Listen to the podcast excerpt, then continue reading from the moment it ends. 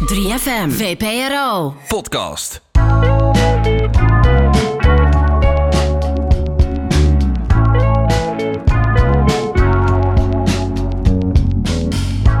Dit is een podcast van VPRO 3 voor 12 en 3FM, waarin ik, Sagit Carter, in gesprek ga met jouw favoriete artiesten. Dit is Uncut Interviews. Hallo, Sagit hier met een nieuwe aflevering van Uncut Interviews with Sagit Carter, dat ben ik. En in deze aflevering ga ik praten met Lord. Haar nieuwe album Solar Power verscheen in augustus vorig jaar. Maar de laatste keer dat we daarvoor nieuwe muziek van haar kregen, dat was in 2017 met Melodrama. Dus er heeft een goede vier jaar tussen gezeten. En na haar tour werd het echt helemaal stil. Want ze verdween van social media. Ze ging even leven, wat natuurlijk ook wel van belang is als je inspiratie wilt opdoen voor, voor nieuwe muziek. Maar je kan je voorstellen hoe blij haar fans waren 11 juni 2021 toen ze haar nieuwe, toen nieuwe single Solar Power uitbracht. En dus de titeltrack van haar album die augustus vorig jaar verscheen. En een paar weken nadat haar album was uh, uitgekomen, kreeg ik de kans om met de super aardige Lord, het is echt ontzettend aardig, dat ga je ook zo meteen uh, horen, uh, mocht ik met haar kletsen over haar nieuwe album. Dus bij deze mijn interview met Lord.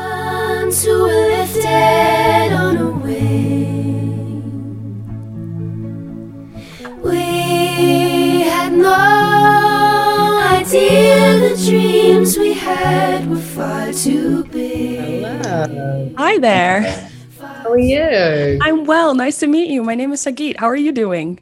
I'm great, Sagit. Ah. Thanks for speaking with me. Oh, well, thank you for your time. I'm so excited to talk to you about your newest music, baby. But but first, how are you doing? Because you stepped away, you were in your own bubble, and then you went out back. Like, what is it like for you? Is it overwhelming? Are you handling it well?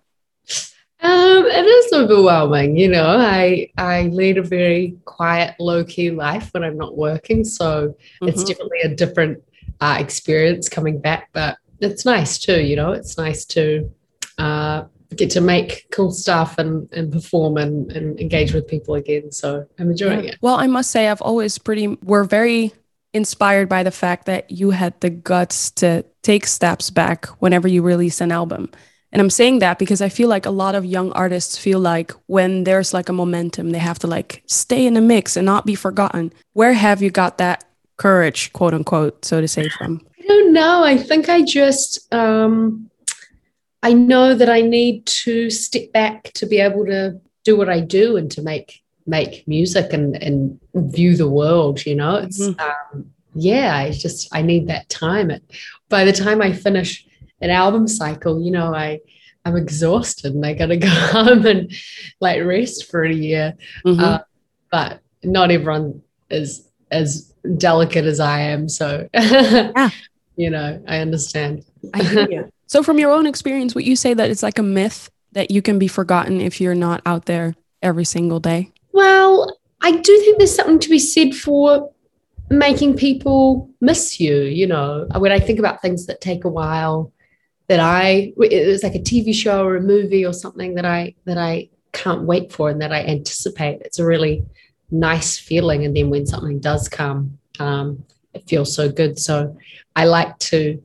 Uh, you know, introduce people to that feeling a little bit more, but Yeah. I'm lucky that people that people care about me when I go away for a long time. Oh, man. Yeah. very grateful. People missed you for sure. And also, I mean, you just mentioned that you need time to live in order to get some inspiration for the record.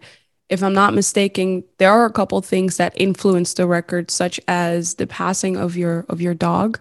Mhm. Um, what what has grief taught you? Uh, it's interesting. It was interesting for me experiencing grief for the first time and realizing that you, the only way through is through, you know, you just have to sort of be in each day and eventually um, you, you know, it will become something that you can live with. Um. I had, don't know if I had sort of had that experience with a process like that. Um, and it was really sort of precious to me, I think. Um, yeah, it's it's horrible. Obviously, grief it's really painful, but um, but precious too. You know, so Yeah. yeah. How would you say has it changed you as a as a person? if it has? Well, I think in the last couple of years, I've thought a lot about the passing of time. Uh, even before this, you know, I was thinking a lot about my family and um, being a kid and, and the amount of time that I've been making work. And, um, you know, I think as a teenager, you have a tendency to just be in the moment. You're so in it, you're in that day, whatever it is. And it feels like that's how things are going to be forever, you know. And so to elongate time a little bit and be like, you know, this this day might be weird, but in two months' time, you might have perspective on that that that totally changes it. Um, yeah, I've I've I found that really uh, precious in my life and and has been a big change in my thinking for sure. It's so weird because I feel like myself recently, I feel like I've become aware of mortality more yeah. now that I'm growing older and it, sure. it, it's a beautiful thing but it's also very scary like suddenly everything yeah. feels so fragile absolutely um, is there a song on this record that is an embodiment of that change that you just mentioned i think so yeah i think um i mean nail salon is kind of about that that passing of time um but there's a uh, the second verse in uh, secrets from a girl is sort of about my process of going through grief i say um, you're going to love again. Just try staying open. When the time comes, you'll fall. You know, that was me saying to myself, may not seem like it right now, but this will happen to you again. And, and, you know, just, just stay open to the, to the process and, mm-hmm. Yeah. Kind of mystical, but Baby, gonna once, gonna feel the pain for you. You're gonna love again, so just try staying open. And when the time comes, you'll fall. When the time comes, you fall. Your dreams and inner visions, all your mystical ambitions, they won't let you down. Ever, ever since writing that song, has it happened? I think so. Yeah, I think so. I think I made it true for myself and, and writing it down, which sometimes happens. Mm-hmm. That is so beautiful. Thank you. I also feel like um, the record is a little bit about how the world is in like this weird limbo Nobody really knows what's going to happen, what to expect. And I heard that you're quite comfortable being in limbo.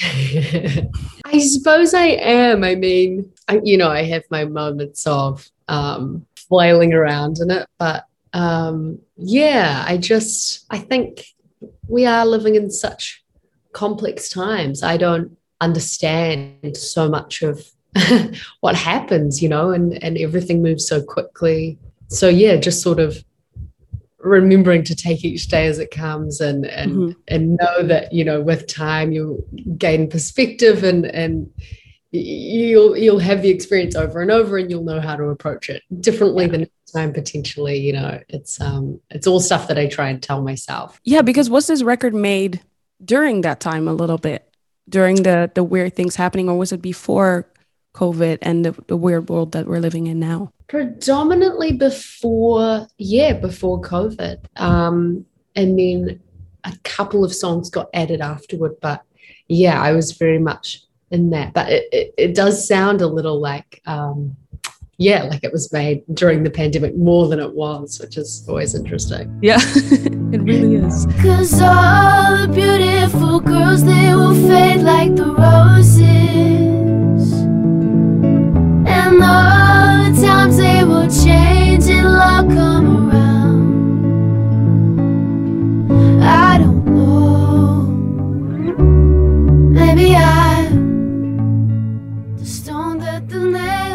Also we also have to talk a little bit about your trip to Antarctica, mm. 2019. Mm. What was that like, and how has that changed your life? Oh my goodness. Well, Antarctica is just this I'd been starting to think more about state of our climate and you know thinking about what I could do if anything and wanting to know you know what was happening and um, I'd been really into Antarctica ever since I was a kid. I'd been really fascinated by it. Um, it's sort of close-ish to New Zealand, so we've always sort of had that connection to it. Um, and then, but I think going at that time really made me understand that this was what I was going to be making stuff about, just the the natural world, to go to this like such a raw, Mhm. intense, uh, natural world. You know, sometimes I like when I'm in a city, I forget that there's nature around. You know, it- it's mm-hmm. confined to a tiny city park or a vine climbing up a lamppost. But in Antarctica, all you can see is, you know, just this raw, natural world in a way that really um, yeah, shifted my focus and and and made me realize that this is what I was gonna be making work about. And um, yeah, it was just crazy. It's it's so so surreal. it's Yeah. just like white everywhere, and uh, you'll like go to the beach and there's like waves lapping on the shore, but the water is like below freezing. Like it's Oh my god, I it's, like really surreal. I had no idea there were beaches in Antarctica. Beach. It's insane. that is crazy. That's so weird. on a sunny day, you're like, mm, should I take a dip? No. No. When you're kick Baby boy, you're super cool I know you're scared, so is I But all will be revealed in time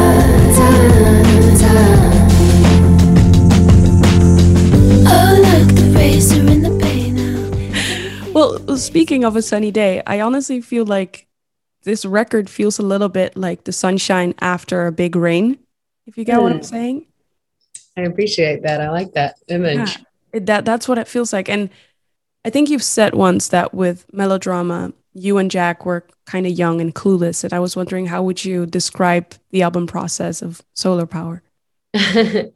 well, I think we both were a lot more calm. You know, Jack had made a few records between melodrama and solar power. Um, so he was, you know, he understood a little bit more about how it worked. And I hadn't made any more records, but I'd grown up a bit and and I guess we just yeah, we're maybe better at following our instincts or just sort of leaning into something even though we're not sure what it is. We have a great um, shorthand now as collaborators. You know, we almost don't have to talk that much to to communicate. Um, but yeah, it was a really nice mellow time. We just sort of sat in the sun and. Uh, and the, you know the studio had sun coming in and we would i just sort of listened to him play this beautiful guitar and we'd like eat ice creams and go on these nice walks. It was really sort of idyllic and lovely. we I ate mean- so much ice cream. Uh, Solar Power really was fueled by ice cream. What is your favorite flavor? um, well, I love pistachio ice cream Mhm. actually. Uh, We ate this like ice cream sandwich a lot that you can buy from American grocery stores. Uh, so every day we would go outside and, and eat an ice cream sandwich.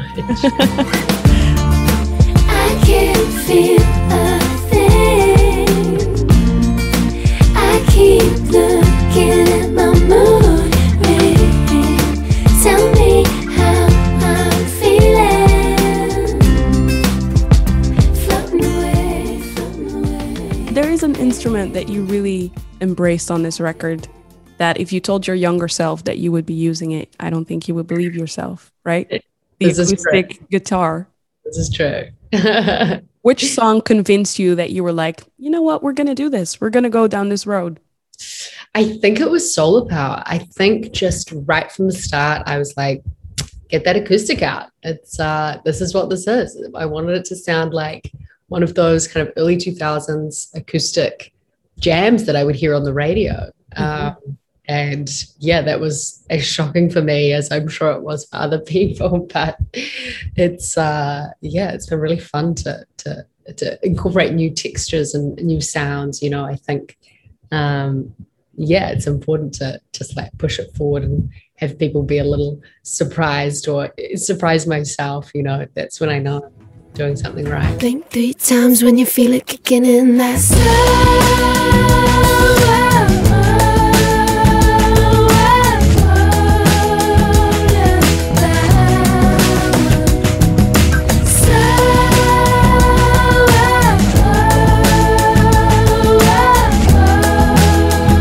I have uh, one last question for you because like millions of other people, every once in a while, I would just go back and look at the video uh, for green light. And one of the most liked comments under the video was, and when the world needed her the most, she disappeared. And it's a joke, but it also kind of like describes a bit how we view celebrities or how our favorite artists now are heroes or almost our saviors. That's how we look at them. How do you deal with that? well, um, I try to, um, I try to, I, I, I try to sort of hold the experience of that and know that like that's how people are viewing me, but also know that, you know, I know myself and I'm just some loser who, you know, chucks her clothes on the floor in the wardrobe and like you know my like vegetable drawer is all gross and my fridge. Like uh, i know i am not uh like a hero i'm full of imperfection and i think if you are able to hold the knowledge that people are really looking to you for guidance and also hold the knowledge that you are you know not the greatest things in sliced bread maybe you'll be able to get through it okay yeah yeah. If solar power could talk, what would it say? I think it would just say that I'm happy, I'm contented, and I know what matters. Thank you so much for your time, Lorde. Thank you. So much. This was such a gorgeous interview. I loved your question. Oh, thank I you. Really appreciate it. Zoals ik al zei, super aardig. Dat was mijn interview met Lorde. Haar album Solar Power is nu overal te streamen. Vergeet je niet te abonneren op de podcast, zodat je op de hoogte blijft van alle interviews met jouw favoriete artiesten. 3FM. Podcast. Jij moet vanaf nu geen fouten meer maken. Lesbie. We komen er als lesbische meiden vaak niet al te best vanaf in films en series. Maar hoe staan we er anno 2021 voor? Welke vooroordelen zijn nog springlevend en wat gaat er wel goed? Dat bespreken wij, Vera en Anne Fleur, samen met een gast om de week in de 3FM-podcast Lesbische Liga. Het is zo raar dat het over identiteit en over seksualiteit gaat. En dat dat elkaar raakt, maar ook soms helemaal niet.